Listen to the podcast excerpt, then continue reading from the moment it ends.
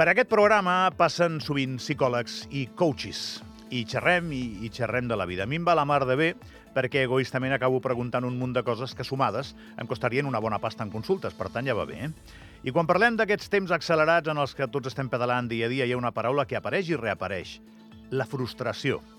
Que al món hi hagi frustració és la cosa més normal del món, forma part del catàleg d'emocions amb què estem equipats. Els primers homo sapiens la devien sentir quan alguna cosa no anava com esperaven. Anaven a caçar, no trobaven i tornaven frustrats. Uh, uh, uh, uh, devien dir, però no ho sabien, que allò era frustració, no ho verbalitzaven. I ni molt menys tenien un divan per explicar-ho, eh? El tema ve de lluny, amb la frustració. Del que xerren ara els psicòlegs i sobretot referint-se a la gent jove és que, més que de la frustració, parlen de la tolerància a la frustració, de poca tolerància a la frustració. És allò de voler que les coses vagin perfectes i ràpides i si no van així, doncs passo a una altra cosa. I no tota la gent jove és igual, segur, però si diuen els professionals, per alguna cosa serà.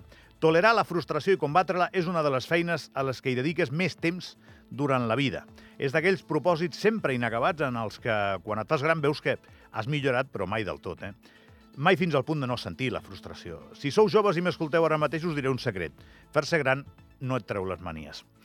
Aquesta setmana hem vist la reacció d'un dels streamers més importants del país, els que viuen aquí, exposant públicament que Andorra no havia tractat amb prou respecte una de les seves iniciatives. Parlem d'una persona que és molt jove i que té molt èxit. Parlo, òbviament, dels Eslan, dels Premis Eslan i de The Gref.